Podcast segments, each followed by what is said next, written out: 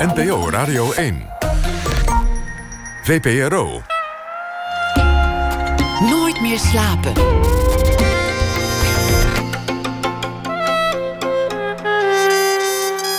Met Liesbeth Staats. Goedenacht en welkom bij Nooit meer slapen. Voor iemand die bij vrienden en familie bekend staat als emotioneel, intuïtief en anti-autoritair, lijkt een carrière bij de politie verre van vanzelfsprekend. Maar mijn gast Joop van Riesen kwam er in 1964 binnen en bleef bij de politie tot aan zijn pensioen. Begon als 21-jarige op bureau Warmoestraat in de hoofdstad en sloot zijn loopbaan af als hoofdcommissaris van het Amsterdamse korps. En zo stond hij vooraan bij alle grote gebeurtenissen van de afgelopen decennia. Van de verharding van de drugshandel of de krakersrellen in de jaren 80 tot aan het huwelijk van Willem-Alexander en Maxima in Amsterdam. Een nogal rijke bron van ervaringen en verhalen, kun je wel zeggen. Die Van Riesen graag gebruikt in zijn leven na het pensioen. Hij werd schrijver. Deze week verscheen zijn twaalfde politietriller, Radeloos.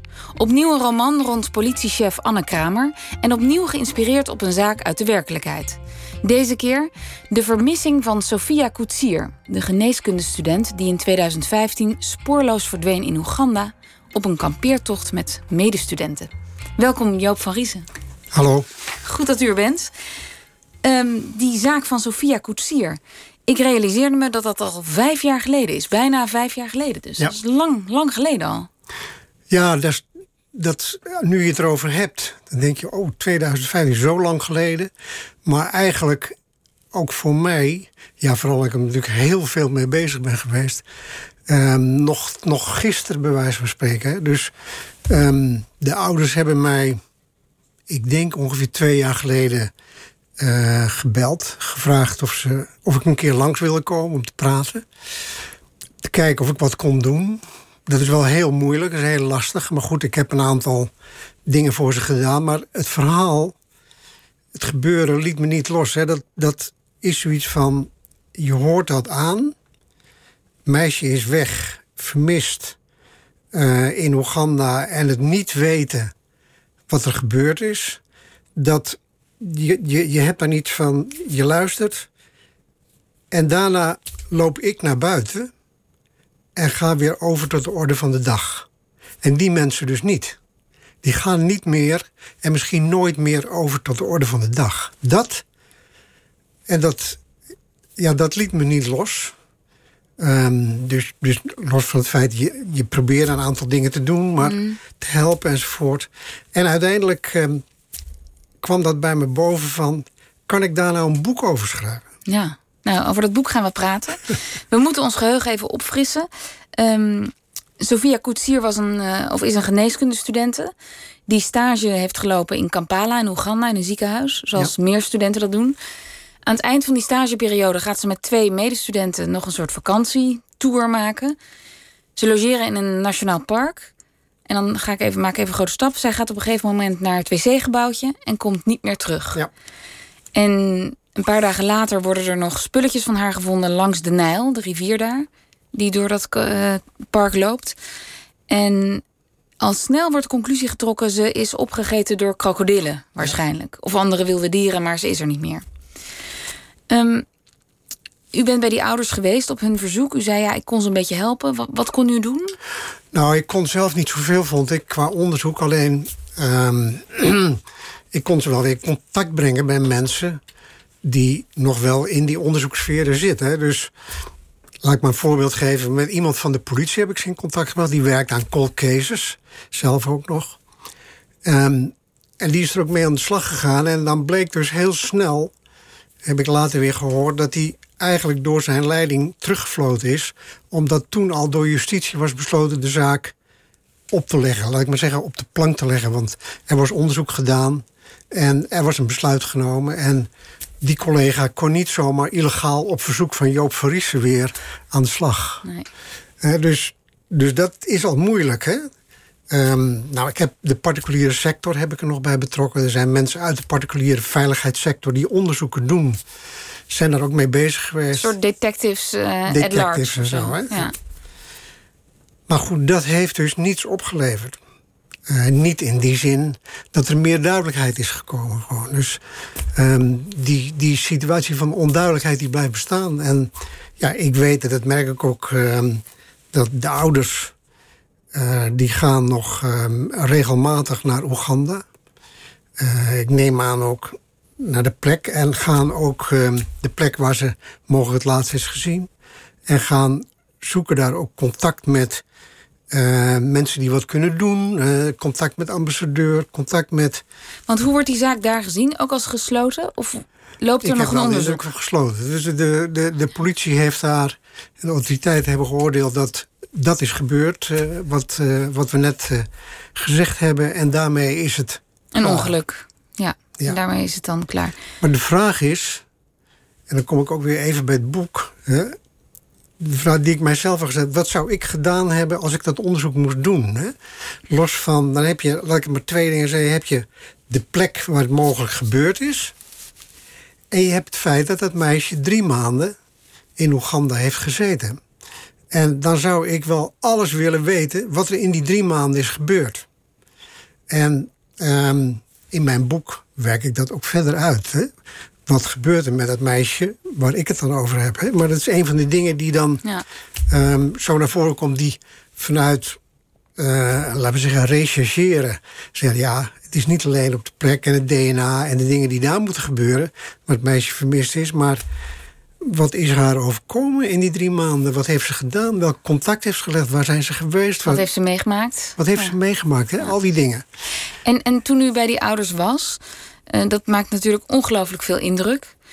Die hele zaak maakt veel indruk. Wat was het dat u triggerde voor een verhaal, voor een op zichzelf staand boek? Nou, dat was wat ik eigenlijk net zei, dat ik um, het drama, het leven van die mensen. Um, waarbij ik gewoon weet, ik kan er wel een boek over schrijven, dat, dat helpt ook niet. Natuurlijk, het helpt allemaal niet. Maar ergens toch een gevoel van Misschien helpt het wel. Maar ja, Hoe zou het kunnen helpen? Ja. Als ik luister naar ze, dan helpt niet het helpen één ding dat ze doorgaan, doorgaan met zoeken, zoeken, zoeken, omdat ze niet kunnen aanvaarden het niet weten. En dat begrijp ik. Hoe kan het helpen?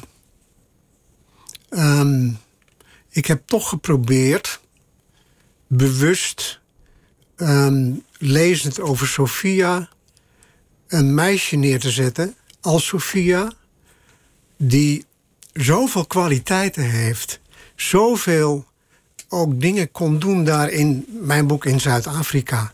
Uh, van betekenis voor de mensen, voor datgene wat ze daar deden. Het helpen van mensen die met aidsverslavingen, eh, vrouwen, kinderen enzovoort, zoals ze daar aan de slag was. Zo zag ik Sophia ook hm. aan de slag in zo'n ziekenhuis. Naast um, ook de uitspraken aan het eind van het boek, dat ze op de trap van dat gerechtsgebouw staat en iets zegt eigenlijk over Mandela en over de samenleving in Zuid-Afrika. Um, eigenlijk wel bewust opgeschreven van dat zou Sophia kunnen zeggen. Ja. Want dat moeten we even erbij vertellen. Sophia is Julia geworden in uw boek. Oeganda is Zuid-Afrika geworden. En verder is de gelijkenis, voor zover ik Sophia ken uit krantenartikelen, enorm. Ambitieuze studenten, ook met de zucht naar avontuur.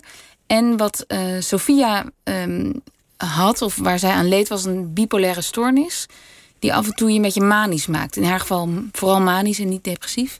En daar uh, is Julia in het boek ook niet onbekend mee. Ja. Um, hebben de ouders het al gelezen? Um, ik dacht het niet. Ik heb vandaag uh, nog een mail gekregen van de moeder. Ze weet ook dat ik hier zit. Um, ik heb bij deze week heeft ze het boek, hebben ze het boek gekregen. met een uh, brief van mij erbij. Waarin ik ook heb gezegd: ik kan me voorstellen dat jullie het niet willen lezen, gewoon. Dat het niet kan. Um, Wat vonden ze ervan dat u een boek ging schrijven? Nou, dat. Dus dat. Dus, kijk, laat ik, het, laat ik het zo zeggen dat. Ze kijken er met afstand naar. Laat ik het maar zo proberen. Want het is. Ze zijn met andere dingen bezig. En niet met Julia. Niet met mijn verhaal. Dat, is, dat leidt alleen maar af waar, wij, waar, waar zij mee bezig zijn. Uh, dus of die dingen ooit bij elkaar komen, dat weet ik niet. Dat weet ik niet. Ik weet dat de brief die ik geschreven had, korte brief, die heeft de moeder aan een van de broers van Sophia laten lezen. En die zegt, vond wel een fijne brief. Hmm. Dus ik kan alleen maar hopen van dat er ook een rustmoment is... dat men dat wel kan lezen gewoon. Hè? Ja. Maar dat is heel ingewikkeld. Maar het is natuurlijk ook navrant, want van Sophia is nog steeds geen spoor. Zij is als vermist. Ja. Uh, nou staat zij nu bekend. En de Julia in het boek, en dan spoilen we niet... Mm, nou ja, een klein beetje, maar we vertellen zeker niet het hele verhaal. daar loopt het goed tussen, mee af, tussen aanhalingstekens. Ja. ja, dat is... Nou ja, vandaar dat ik zeg ja... Uh, ik kan me voorstellen dat zij zeggen: ja, wij lezen dat boek niet. En daar hebben we geen tijd voor. Daar hebben we geen ruimte in onze geest voor. Nee. Ik kan alleen zeggen, hopen dat ze het misschien op een bepaald moment wel kunnen. En dat daar, ja, ik kan niet zeggen een zekere rust door ontstaat. Dat, uh, zo, zo wil ik dat niet benoemen. Want dat is het leven van deze mensen zelf. Ik, toch heb ik het daar wel voor geschreven vanuit dat gevoel van het leven is voor deze mensen zo rampzalig. Het niet weten. Wij kunnen ons dat niet voorstellen, wat dat betekent. Dat, ondanks dat ik er een jaar mee bezig geweest, met het boek bezig ben geweest, allerlei dingen heb gelezen, met je gedachten ermee ben, je kunt het je niet voorstellen. Het leven kan soms wel heel erg verschrikkelijk zijn hoor. Dus ik denk dat het voor mensen nog meer aanvaardbaar is als ze weten wat er gebeurd is. Al zou dat betekenen dat het meisje er niet meer is, um, dan kun je gaan rouwen. Zij kunnen dat niet. Zij kunnen dat niet. Want het, zij spreken ook niet over dat het nooit. Nee, het is niet nooit. Nee, het is. Het is vermist en het kan al iedere dag nog terugkomen. Um, zoals toen ik daar was, die moeder tegen mij zei... Um, ik slaap niet s'nachts, want ieder moment kan er s'nachts aangebeld worden. En dan staat Sofia voor de deur. Dat is ondraaglijk. Ja, dat is ondraaglijk gewoon. En u, u bent rechercheur geweest. Ja. En uh, nou, een hele carrière binnen de muren van de politie uh, gewerkt. U heeft dus heel veel ervaring. U heeft nu dit dossier gelezen, neem ik aan, van Sofia, van de ouders. Ja. Wat, wat zei uw ervaring of uw intuïtie? Ja. ik vind het. Kijk, ik ga op feiten af. Hè? Uh, dus je kunt vragen: wat is uw intuïtie? Tuurlijk, er kan iets gebeurd zijn. Uh, als ze daar loopt en op een of andere manier in het water raakt. Er kan iets gebeurd zijn. Er is ook iets van kleding gevonden. Stukken van kleding. Dus um, dat kun je niet wegstoppen van dat daar helemaal niets is gebeurd. Um, maar er zijn ook dingen dat je denkt, even vanuit politie. Um, ja, dat is toch wonderlijk, hè? Dus, dus hoe komt een stukje kleding op een gegeven moment in een boom terecht? Ja, want stof, stof van haar kleding is gevonden in takken van bomen. Ja. ja, hoe komt dat? Hè? Dus daar kun je altijd vragen over stellen: van, is er dan meer gebeurd? Zijn er andere dingen gebeurd? Is ze ontvoerd? Is, ze, is het niet allemaal mogelijk gewoon? Hè? Zoals de ouders zelf een keer in een mail geschreven hebben. Ze zijn daar vaak geweest op die plek. En het aantal keren dat daar uh, van die beesten lagen, was toch vrij minimaal. Die krokodillen? Ja, vrij minimaal eigenlijk. Uh, dus dat roept ook al die vraag op van ja, uh, dan kan de politie en de autoriteiten kunnen dat wel zeggen, maar is dat niet makkelijk om dat zo makkelijk te zeggen. Hè? En dan krijg je van ja, kan ze niet ontvoerd zijn? Kan ze niet ergens nog steeds ergens vastgehouden worden? Al die gedachten zijn er. En dan ontstaat er, kan ik me voorstellen, iets bij die mensen dat ze zeggen: ja, wij blijven jagen. Het is onze dochter en wij gaan er tegenaan en wij gaan enzovoort, enzovoort, ja. enzovoort. De moeder van Julia in het boek bijt zich ook vast in de vermissing van haar dochter. En die wordt eerst een beetje weggezet als een wanhopige moeder. En uh, begrijpelijk dat ze niet loslaat. Maar uiteindelijk uh, blijkt, blijkt de moeder wel degelijk een, uh, het bij het juiste eind te hebben. Die geeft niet op. Nee. En dat, En ik herkende daar de moeder van Sofia in. Ja. in Oh, die, gaat, die zal niet opgeven.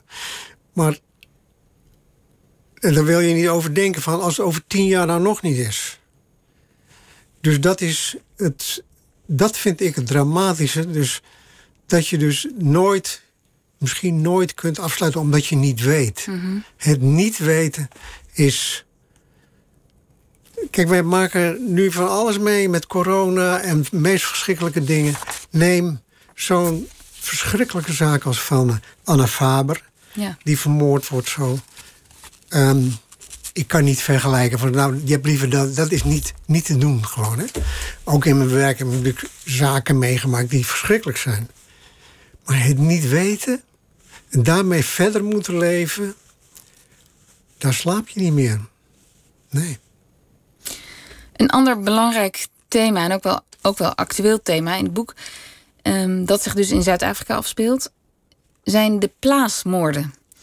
Dat is een Afrikaans woord, Zuid-Afrikaans woord, waarmee de moord ehm, bedoeld wordt op witte Zuid-Afrikanen die op boerderijen wonen, door zwarte Zuid-Afrikanen. En daar gaat, het verhaal is dat dat ook een soort wraak zou zijn op eh, onterecht toegeëigend land in de tijd van apartheid. Plaats is het erf.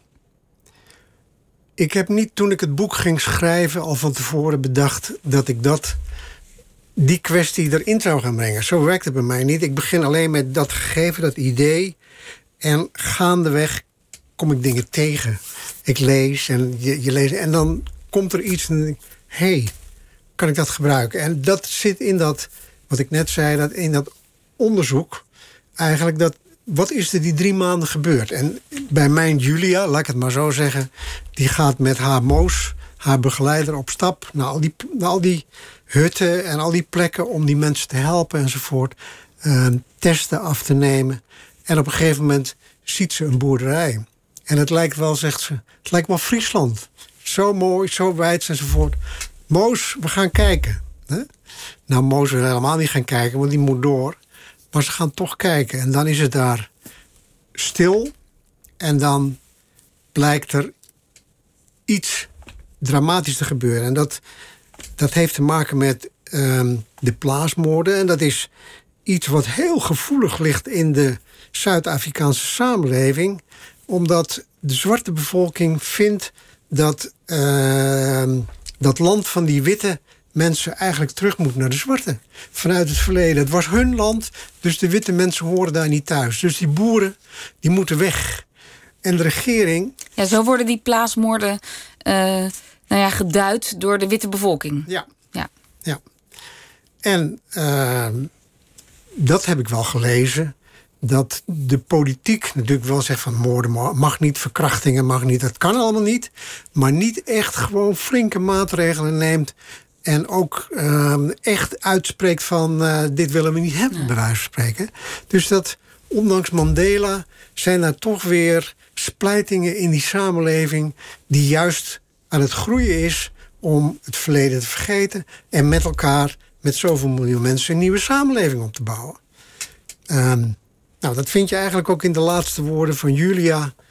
Dus uh, moeten mensen er maar lezen, ja. gewoon dat ze daar iets over zegt. En waarom, waarom? Want het is een heel gevoelig thema in Zuid-Afrika. Want er wordt ook gezegd, ja, die plaasmoorden tussen 2017 en 2018, in een jaar tijd, zijn er 62 uh, moorden, dit soort moorden geweest. Terwijl het aantal zwarte Zuid-Afrikanen dat vermoord wordt nog steeds veel hoger is. Ja. Um, dus er is heel veel om te doen. En, en, en waarom vindt u dit een heel interessant decor voor het verhaal? Nou ja, het past in mijn verhaal. Je ziet wat ik net zeg, dat Moos en, Moos en Julia uh, daar terechtkomen. En dan uh, past het heel goed, omdat ze in een conflict situatie komen. Waarbij Julia gewoon zegt: we moeten, nadat, na wat er gebeurd is daar. Heel kort maar, uh, zij, de, uh, de, de dochter van de boer, wordt daar verkracht door zwarte mannen. Die daarna op een gegeven moment ook de moeder willen pakken, mm. bij wijze van spreken. En de boel in brand willen steken enzovoort. En worden overlopen door Moos en Julia. Ja, en dat loopt op een, op een vreselijk drama uit. Er wordt geschoten, wordt gedaan enzovoort. En als je het sec bekijkt, is, is het meisje onze studenten is de verdachte. Is de moordenaar. Hè? Nou ja. ehm, En hoe kwam u in aanraking met, met het- dat fenomeen? Bent u er geweest? Of, eh, Nee, nee, ik ben daar. Ik ben wel in Zuid-Afrika geweest. Alleen het fenomeen las ik in de krant. Gewoon een journalist schreef erover en ik las dat. En ik dacht, hé, hey, dat kan ik misschien gebruiken. Daar ga ik meer over lezen. Dat, dus dat is zoiets gek in mijn schrijfproces. Ik bedenk dat niet van tevoren. Maar er gebeuren in dat proces dingen. Bewust iedere ochtend veel kranten lezen, kijken, veel luisteren, kijken. En er gebeuren in dat proces van die eerste vier, vijf maanden. Dat vind ik een wonder ding. En dat ik zeg, hé, hey, blaasmoorden. Alleen al die naam vond ik leuk, hè? En, en Julia en Moos begaven zich op dat moment dus in Zuid-Afrika, waren er bezig. En, en ja, En is die maatschappelijke laag belangrijk? ja, die is. Dat. Nou. Kan je zeggen, heb ik nou van tevoren bedacht dat die maatschappelijke laag erin moet? nee. Nou wel, laat ik het zo zeggen, in, de, in dit boek en het boek daarvoor bewust voor gekozen voor eh, ten opzichte van de 8, 9, 10 boeken daarvoor, bewust gekozen voor meer maatschappelijk, eh, maatschappelijke problemen, internationale aspecten. En ook bewust dat mijn hoofdpersoon toch een heel andere situatie tegenkomt. Mijn hoofdpersoon, Anne Kramer, als chef van de recherche, is eh, die eerste tien boeken naar de topvrouw, dit en dat, alles. Hè, wel met privé wat dingen enzovoort, maar mag ze ook een keer helemaal onderuit gaan en kwetsbaar zijn. Ehm, en dan zie je in tv-series allemaal dat het ehm, psychische dingen zijn van die politievrouwen, bij wijze van spreken. Ik denk dat is Anne Kramer niet. Maar Anne Kramer wordt verliefd op een crimineel. Iets ergers bestaat er dus niet voor zo'n politievrouw. Hè? Dus mijn omgeving zei ook: ja, van als je dat doet, dan is dat het laatste verhaal van Anne Kramer gewoon. Hè? Want als zij dus echt met die vent verder gaat. ehm, en toch doe ik dat. En waarom? Wat, wat, moest er, wat moest er gebeuren met Anne Kramer? Nou ja, dat is de uitdaging. Dus ja, dat is nog veel erger. Kijk, je roept dingen op. Het gekke, dat- laat, laat ik het maar vertellen. Laat ik het maar vertellen. Het boek gaat er naar een redacteur. Als, als het manuscript klaar is, dan, stuur ik het naar de uitgeverij, de redacteur. En mensen gaan daarover. En die mensen die lazen dat. En ik zat bij het schrijven van het verhaal van. Die crimineel die moet dood die moet weg. Want anders kan het met Anne Kramer niet verder. Hè? Dan, Nee. die, moet, die moet dus weg. Dus ik geloof dat hij op de laatste dag doodging. Op een of andere manier. Toen kwamen de mensen op de uitgeverij van de redactie... en van de, de technische lezers, weet ik veel allemaal. En die zeiden, ja, dat is nog niet goed. Dat is nog niet. Dus de uitgeefster, Marie-Anne van Wijlen, belde mij... en zegt, er zijn paar mensen die zeggen... Hij mag niet dood. Hij mag niet dood. Hij mag niet dood. Ja, hij mag niet dood. Hij mag niet dood. Nou, toen hebben we dat veranderd. Dus, dus Niet die crimineel die maar- leeft nog. ja. En die komt dus in het boek nu, wat ik nu aan het schrijven ben, komt hij dus weer terug. Die crimineel, dat is natuurlijk wel weer het voordeel dat je in dat vak hebt gezeten. Ik heb beelden van criminelen, van de mens. Nou zou Anne Kramer nooit verliefd worden op Holleder. Nou, dat past helemaal niet. Waarom niet? Nee, dat is een. Qua karakter. Bij Anne Kramer hoort toch. een slimme jongen.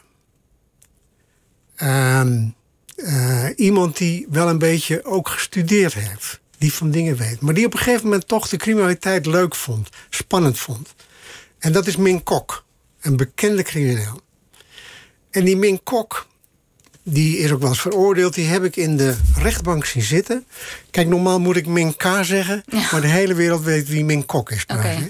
Daar zat hij in de rechtbank en daar moest ik als getuige met de vingers omhoog staan. Over een wapenzaak. En dat had ik nooit gezien. Hij zat daar naast de advocaat en hij schreef. Hij schreef alles op. Een intelligente jongen. Had ook rechten gestudeerd, niet afgemaakt. Maar de manier van opereren van die man, dat is een, een type die paste bij Anne Kramer. Zo, ja. Nou. Hij heet anders in het, uh, in het boek. Het is Hij ook heet geen, anders. Hij heet Het is Maurice. ook geen, ja, het is geen woordspeling ook. Ja. Ehm, u heeft over eh, Anne Kramer, over wie er al meer eh, romans zijn verschenen. Is dit ook de twaalfde Anne Kramer? Dit is de, ik dacht de elfde. En de, de, de- met, met het eerste boek, het non-fictieboek, in naam de wet, is het het twaalfde boek. Ja. Maar het is de, de elfde Anne Kramer. Dus ze loopt al een hele tijd met u mee. Ja. Eh, u heeft haar wel eens mijn betere ik genoemd. In een interview. Ja, nou ja, mijn betere. Nog, nog, nog mooi, ja. Ja. Ehm, ze heeft, het is natuurlijk belachelijk gewoon, maar Anne Kramer is eigenlijk Joop van Riesen. Omdat je bij het schrijven beelden hebt van jezelf, dat je daar zit. En dat je daar bezig bent. Dus ik stopte mijn karakter in Anne Kramer. Ehm, ik ben ehm, redelijk impulsief. Ik ben niet een manager die alle informatie vergaart voordat hij een besluit neemt. Als ik vond in mijn gevoel dat iets niet goed was, dan wilde ik het niet. Dat is zij ook, Anne Kramer ook. Ehm, eh, ik vind dat zij, maar dat heb ik kunnen doen. Zij is beter dan Joop Friese, vind ik zelfs. Hè? Zij kan beter met mensen omgaan, al die dingen. Maar ze is wel Joop Friese. Ze hebben het wel eens tegen mij gezegd, journalisten ook van... hoe kun je nou zo over een vrouw schrijven? Ehm, ja, dat, voor een deel omdat, het, omdat ik het zelf ben. Ja.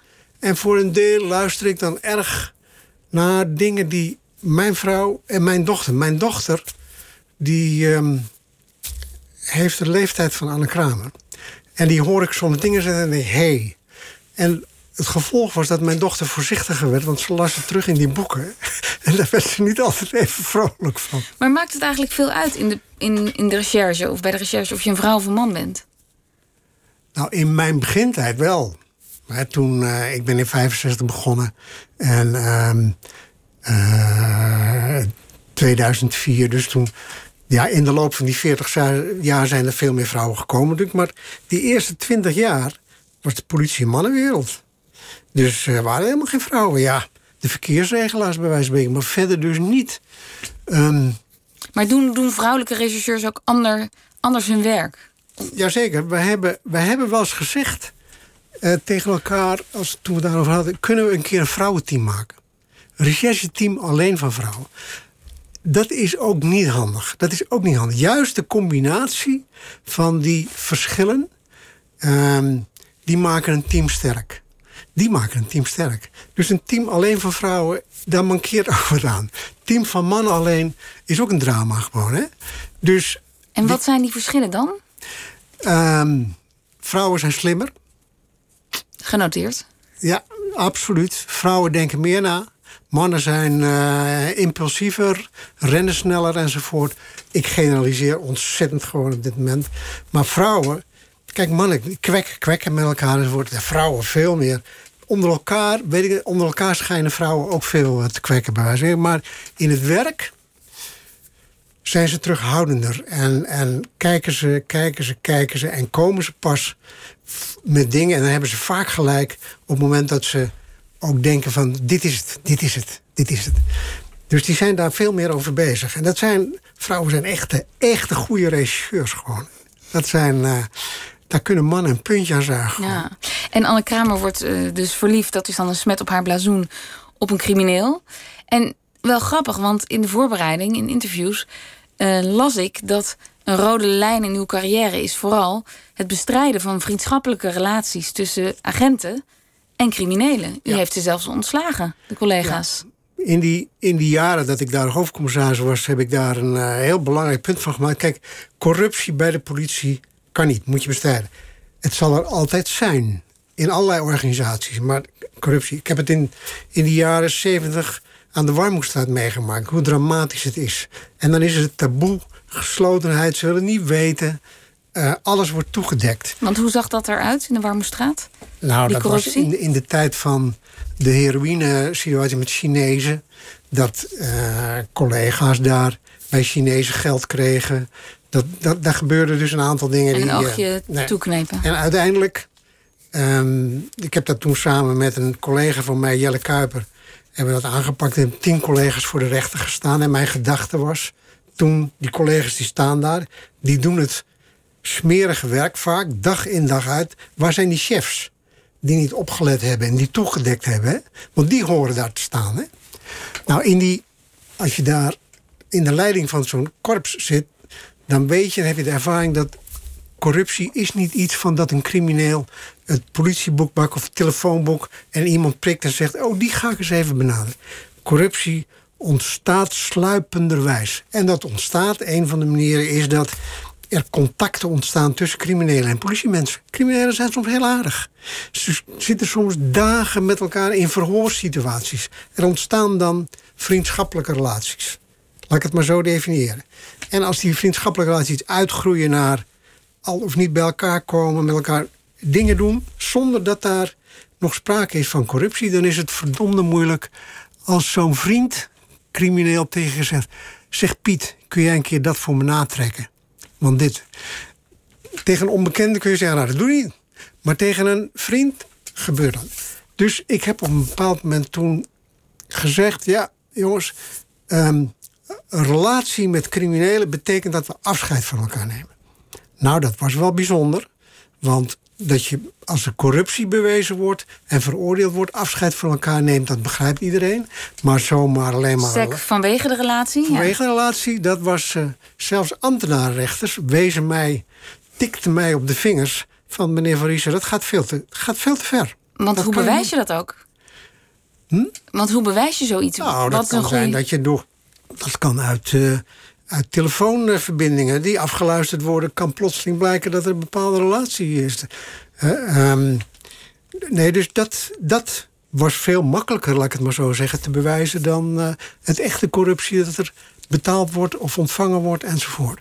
Maar op den duur zijn ook ambtenarenrechters meegegaan en ik denk dat er in die periode dat in een vrij forse aanpak toch wel zo'n 20, 25 man zou ontslagen zijn. Er waren soms collega's bij die mij vertelde van... ja, luister, ik ken die criminelen nog. Die zaten bij mij in de klas, de lagere school. Wat wil je nou? Maar ze wisten dat ik daar buitengewoon streng op was. Dat was een manier voor mij om ook corruptie te bestrijden. En dan lezen die collega's nu uh, radeloos. En dan zien ze een politiechef die een re amoureuze relatie zelfs krijgt. Denken ze, wat doet die van Ries eigenlijk?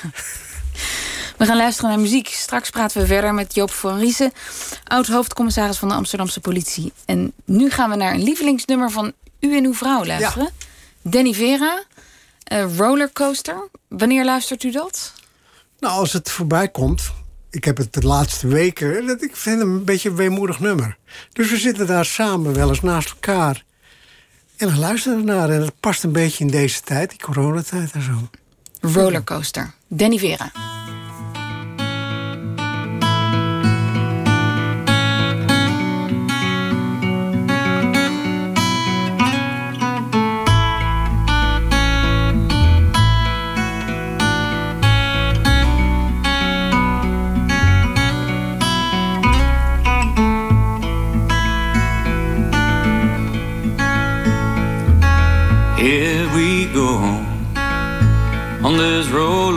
Roller coaster life we know.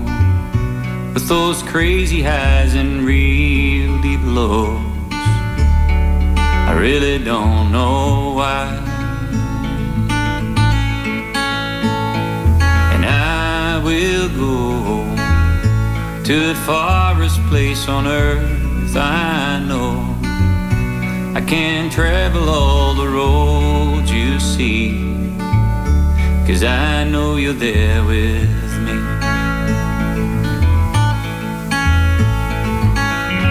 You don't have to slow me down. Cause I will always be around. I will find my way back home where magnolia grows, where magnolia grows.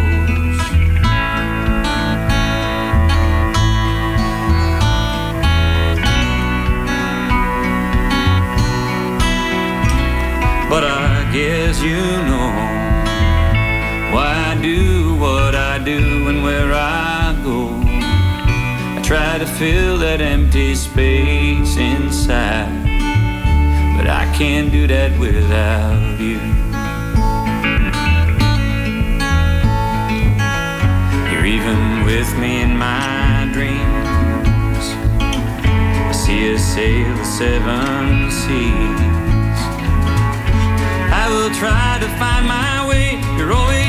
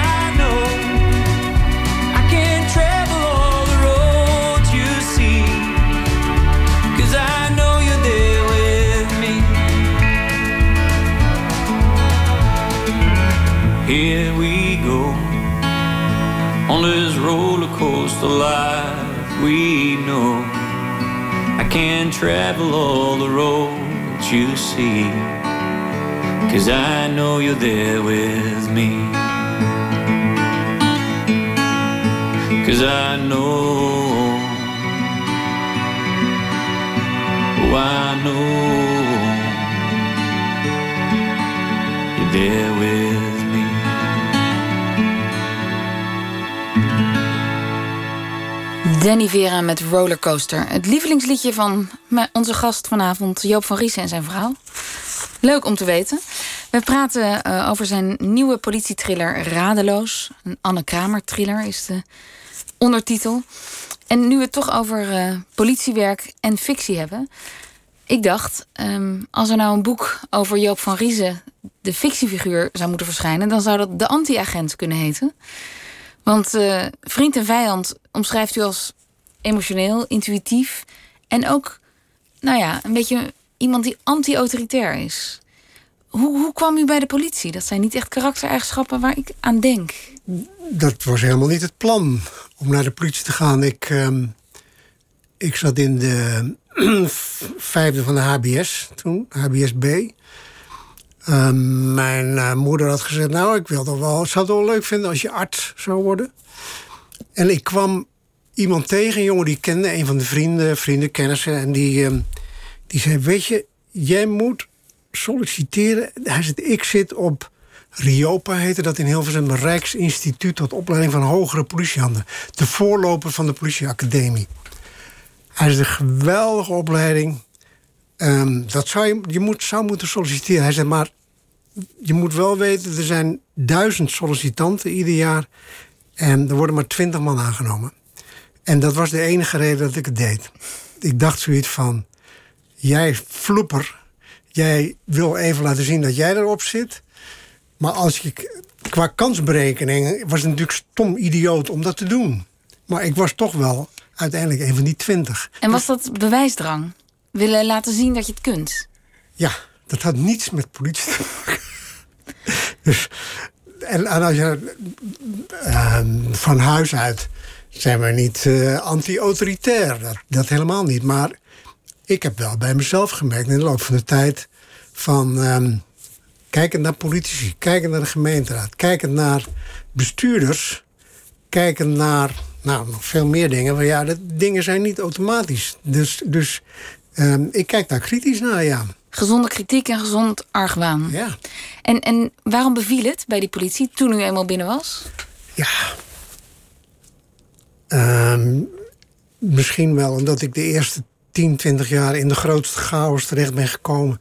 Wat je maar kunt bedenken. Het bureau Warmoestraat met al die verslaafde problematiek, heroïneproblematiek, totale chaos. Tegelijkertijd Amsterdam op zijn kop met Provo, uh, uh, Provo, uh, Flower Power en, en de krakersituatie. Dus je hebt niet eens tijd om na te denken. De ene dag was je bezig met het ene en de andere dag was je pelotonscommandant of compagniescommandant voor ontruiming enzovoort. Dus ik heb zo geweldig veel op dat punt meegemaakt dat eigenlijk die eerste twintig jaar was um, subliem. Die waren zo voorbij. Eigenlijk. Ja, die waren zo voorbij. Ja. Met, met ja, daar, daar, daar kun je boeken over schrijven. Zoveel gebeurd. Um, ja, dus, nou en daarna, daarna kom je in, een, um, in de trechter van het management. En dat is, dat is dramatisch. Dat kan ik van mezelf nog eigenlijk niet begrijpen dat je dat doet. Want het is de bureaucratie, het vechten tegen de bureaucratie, het met grotere afstand naar de uitvoering, hè, naar de zaken. Want op een gegeven moment ben je districtchef. Op een gegeven moment ben je, nou noem maar op allemaal, hè, recherchechef. En, en dan is je grootste, het grootste deel van je werk is bezig zijn om het voor de regisseurs of voor de politiemensen mogelijk te maken dat ze hun werk goed doen. Met hun opleidingen, met hun materiaal, met hun en met de omstandigheden. Geld. Maar dat, dat is maar een deel. Hè. Er zitten ook andere dingen in. Laat ik één voorbeeld geven. Ik kwam in, negen, in 1981, werd ik districtchef aan de Bijlmermeer. Gliphoeven. Uh, hoofdcommissaris zei, je gaat daar naartoe. Je wordt districtchef, je wordt commissaris. Ik zei, doe me een lol, wat moet ik daar bij die flats enzovoort. Maar ik kwam daar en op dat moment zie je het drama van 300.000 Surinamers... die daar uit Suriname terecht zijn gekomen. Uh, jonge Surinamers die verslaafd raken aan heroïne. Eén grote confrontatie tussen, dagelijks tussen de politiemensen en deze samenleving. Toen dacht ik bij mezelf, vandaag of morgen wordt er één doodgeschoten door de politie. En dan heb je het. Hè? Dan zo was de sfeer, zo, zo. Zo was die sfeer, het was ontzettend grimmig. Dus toen dacht ik, ik ga de Surinaamse gemeenschap uitnodigen om te praten met elkaar. En groot gebouw in de Bijlmermeer. Uh, kom en wij, wij zullen daar zijn. Dus uh, ik had een, een, onafhankelijk voorzitter daar neergezet. Iemand van het stadhuis, Maureen Soruco, namens de burgemeester. En ikzelf namens de politie. En ik zal het nooit vergeten. Op het bureau zei ik... ik wil tien namen van collega's die met mij meegaan. Want we doen het voor de collega's, voor de Surinaamse gemeente. Het gesprek. Niemand wilde mee. Niemand wilde mee. Ik zei, ja jongens, ik vind dat er tien mee moeten, dus dan wijs ik er tien aan. En die gingen dus mee, onder protest. En dan moet je je voorstellen, een hele grote zaal vol schreeuwende Suriname. Schreeuwende mensen. Het was, het was, het was fantastisch, laat ik het zo zeggen. Dus hun woede, hun boosheid, hun frustratie. armoede, hun frustratie over in een flat zitten daar, bij wijze van spreken. Dat kwam daaruit eigenlijk. Hè? En tien nietszeggende politiemensen... die toch in de loop van de avond mee gingen praten. Ik weet wel, ik heb dat, we hebben dat vier, vijf, zes keer gedaan. Fundamenteel los je niet al die dingen op. Maar ik weet dat Ed Fontijn nog tegen mij zei... dat had ik moeten doen. Zie je? En is dat, want ik uh, noemde u net uh, emotioneel en intuïtief. Is dat dan iets waar intuïtie uh, ja. ja. gewonnen dat is, heeft? Dat is intuïtie. Kijken, daar rondlopen en verwachten dat. Um, waar, dat was ook in die tijd dat in, ook in, Amerika al met de zwarte bevolking daar het af en toe misging, iemand doodgeschoten werd. En dan had je drie, vier avonden verschrikkelijke rellen. Een stad op zijn kop. Ik denk dat gaat hier in de Bijlmermeer gebeuren. Dat gaat gebeuren gewoon. Nou, dat, dat gevoel, dat vind ik dat bazen moeten hebben van de politie. Die horen daar op die manier naar te kijken, dat gevoel bij zich te krijgen. En daar ga ik wat mee doen. Dat moet. En dat, is niet iets wat je allemaal in protocollen of wat dan ook uh, kan stoppen. Hè? Dat, dat gaat niet. En gebeurt dat genoeg? Ja. De bazen van nu, hebben die die intuïtie? Dat, ja, maar hoe leer je dat? Dat weet ik niet. Dat moet je hebben of dat moet je ontwikkelen of dat... Dat weet ik niet. Dat kan je ook niet op school leren. Dat is iets waar je naar moet kijken van... Um, dat leren van waar... Waardoor kan iets op een gegeven moment fout gaan. De, de lont in het kruidvat. Hè? Nog één voorbeeld dan geven van... Um, dat was weer later met de Marokkaanse gemeenschap in Amsterdam-West. Spanningen, oplopende spanningen. En ja hoor, het gebeurt dat op het Mercatorplein... op een gegeven moment door een politieagent... een Marokkaanse jongen wordt doodgeschoten. Nou weet je, diezelfde avond... één massale uh, Marokkaanse gemeenschap op dat Mercatorplein. En was u toen hoofdcommissaris? Ja. ja. En wat is dan het protocol, laat ik het maar zo zeggen? Dan staan er drie, vier, vijf pelotons ME klaar. En dan de Marokkaanse gemeenschap tegenover de ME. En dat gaat er dan gebeuren gewoon, hè? Dus ik zei, ME wil ik daar niet zien. Ga maar ergens in het havengebied staan. Ver weg, weg jullie. Ik ga daar alleen naartoe. Je bent gek. Ik ga daar alleen naartoe. En ik neem drie wijkagenten mee die daar uh, buurtkennis enzovoort. Nou, je komt daar, één grote chaos. En op een bepaald moment heb ik daar een megafoon in handen gekregen. En heb ik dus die menigte toegesproken. Ik weet niet meer wat ik gezegd heb. Echt niet. Ik weet niet wat ik Maar ik heb toegesproken. En het gekke werd, het werd stil. Stiller, stil. En toen ik klaar was, gingen de mensen naar huis. Ik weet het niet. Maar Wat ik denk dat? dat Wat dat, was dat? komt omdat ze omdat je op dat moment stap maakt, denk ik, de stap naast ze.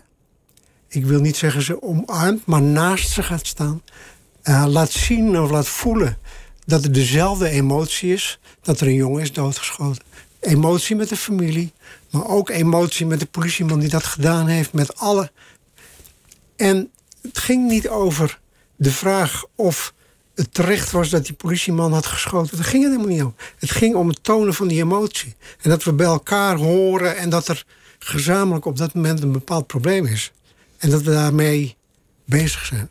En daar werden ze stil van en dan gingen ze naar huis. En dat zijn natuurlijk. Ja, dat zou wel veel meer misschien moeten gebeuren. Hoe voelde u zich toen? Op die avond? Daarna, als dat gebeurd is? Nou, dat had natuurlijk ook heel anders af kunnen lopen. Ja, maar dat, daar ben ik wel heel erg eigenwijs in. Dan. Nee, nee dat, laat ik. Ja, hoe voel je je? Ik weet nog dat um, een van die wijkagenten was een agente met Turkse achtergrond. En die riep op een gegeven moment: ik moest twee dingen doen. Ik moest die oude commissaris moest ik beschermen en ik moest zelf op een gegeven moment klappen uitdelen. Dat, daar was ze ook mee bezig. Hè?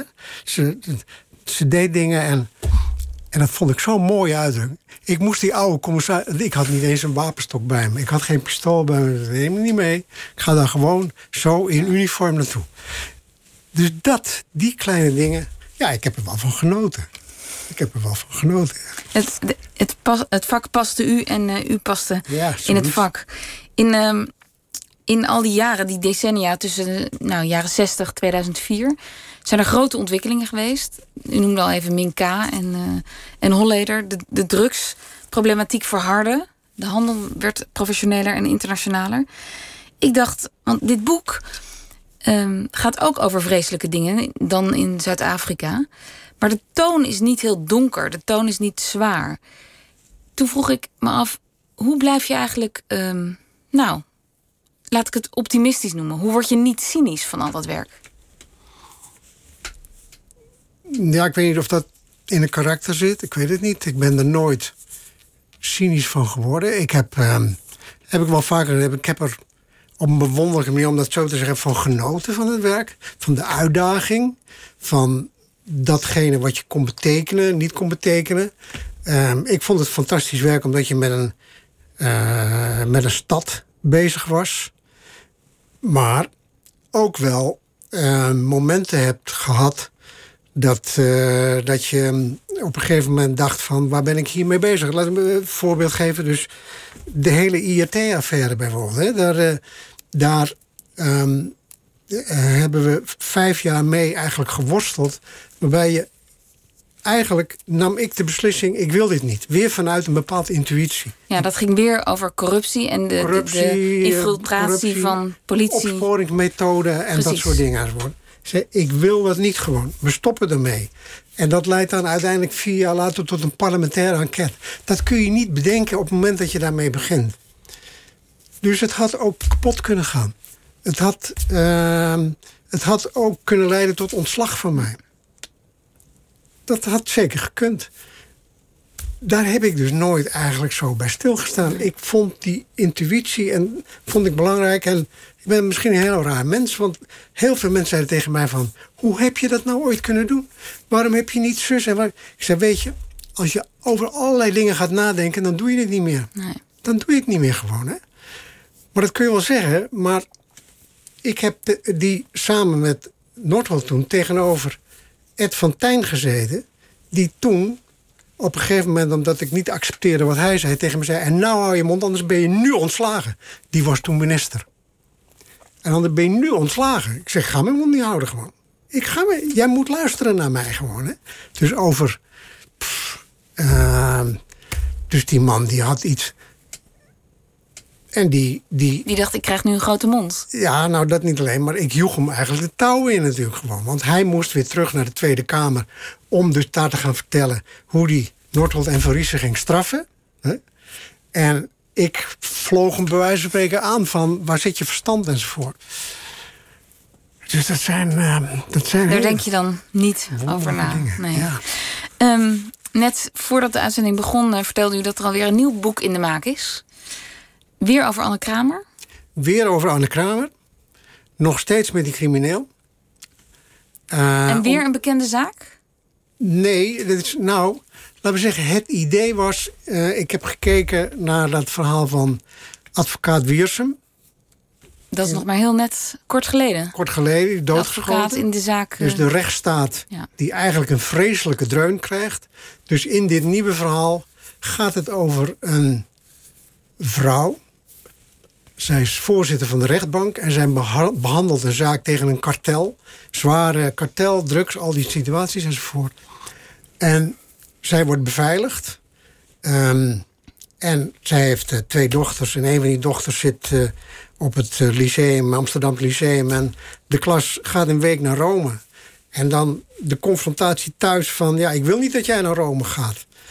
dus, dus of ze moet gaan regelen dat de dochter dan beveiligd gaat worden in Rome. Het drama.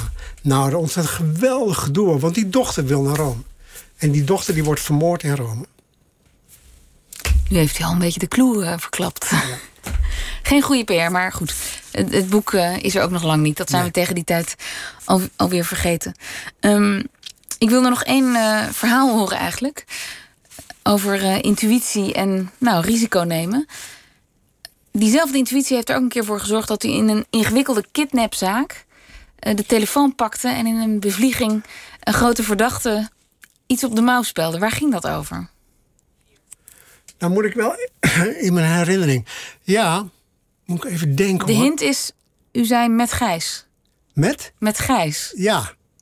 Dat was, ik meen Gijs van Dam of zoiets. Met Gijs.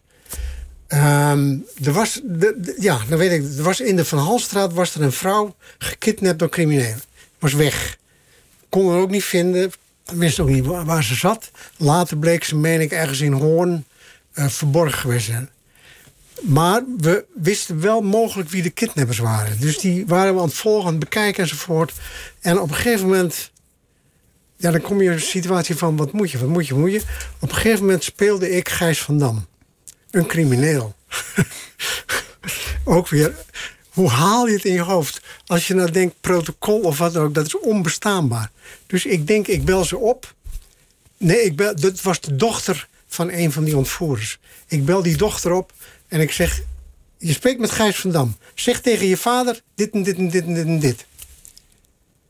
Nou, mijn omgeving zat daar van, wat, mijn god, wat, gaat er nu gebeuren? Wat doet hij nu? Wat doet hij nu? Nou, die dochter was een brutale Amsterdamse. Hè, dus die begon mij min of meer uit te schelden van... wie denk je wel dat je bent enzovoort. Hè. Weg jij idioot enzovoort.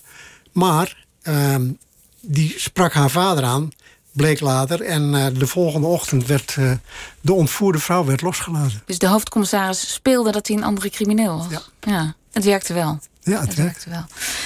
Um, radeloos. Ligt nu in de winkel. Ja. Hartelijk dank voor dit gesprek, Joop van Riesen. Graag gedaan. En dit was Nooit meer slapen voor deze week. We zijn er maandag weer. Dan praat Pieter van der Wielen met schrijver Martijn Simons... over zijn derde roman De Hollandse Droom... waarin een man zijn toekomstige functie als minister in gevaar ziet komen... door toedoen van zijn twee kinderen. Dat maandag dus. Nu Vink van de Afrotros. En ik wens u nog een heel goede nacht.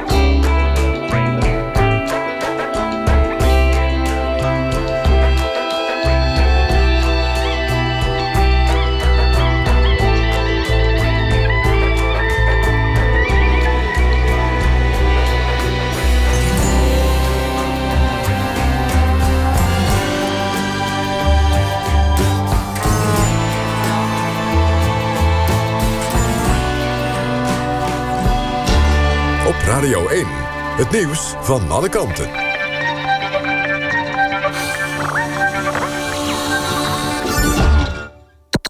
NPO Radio 1.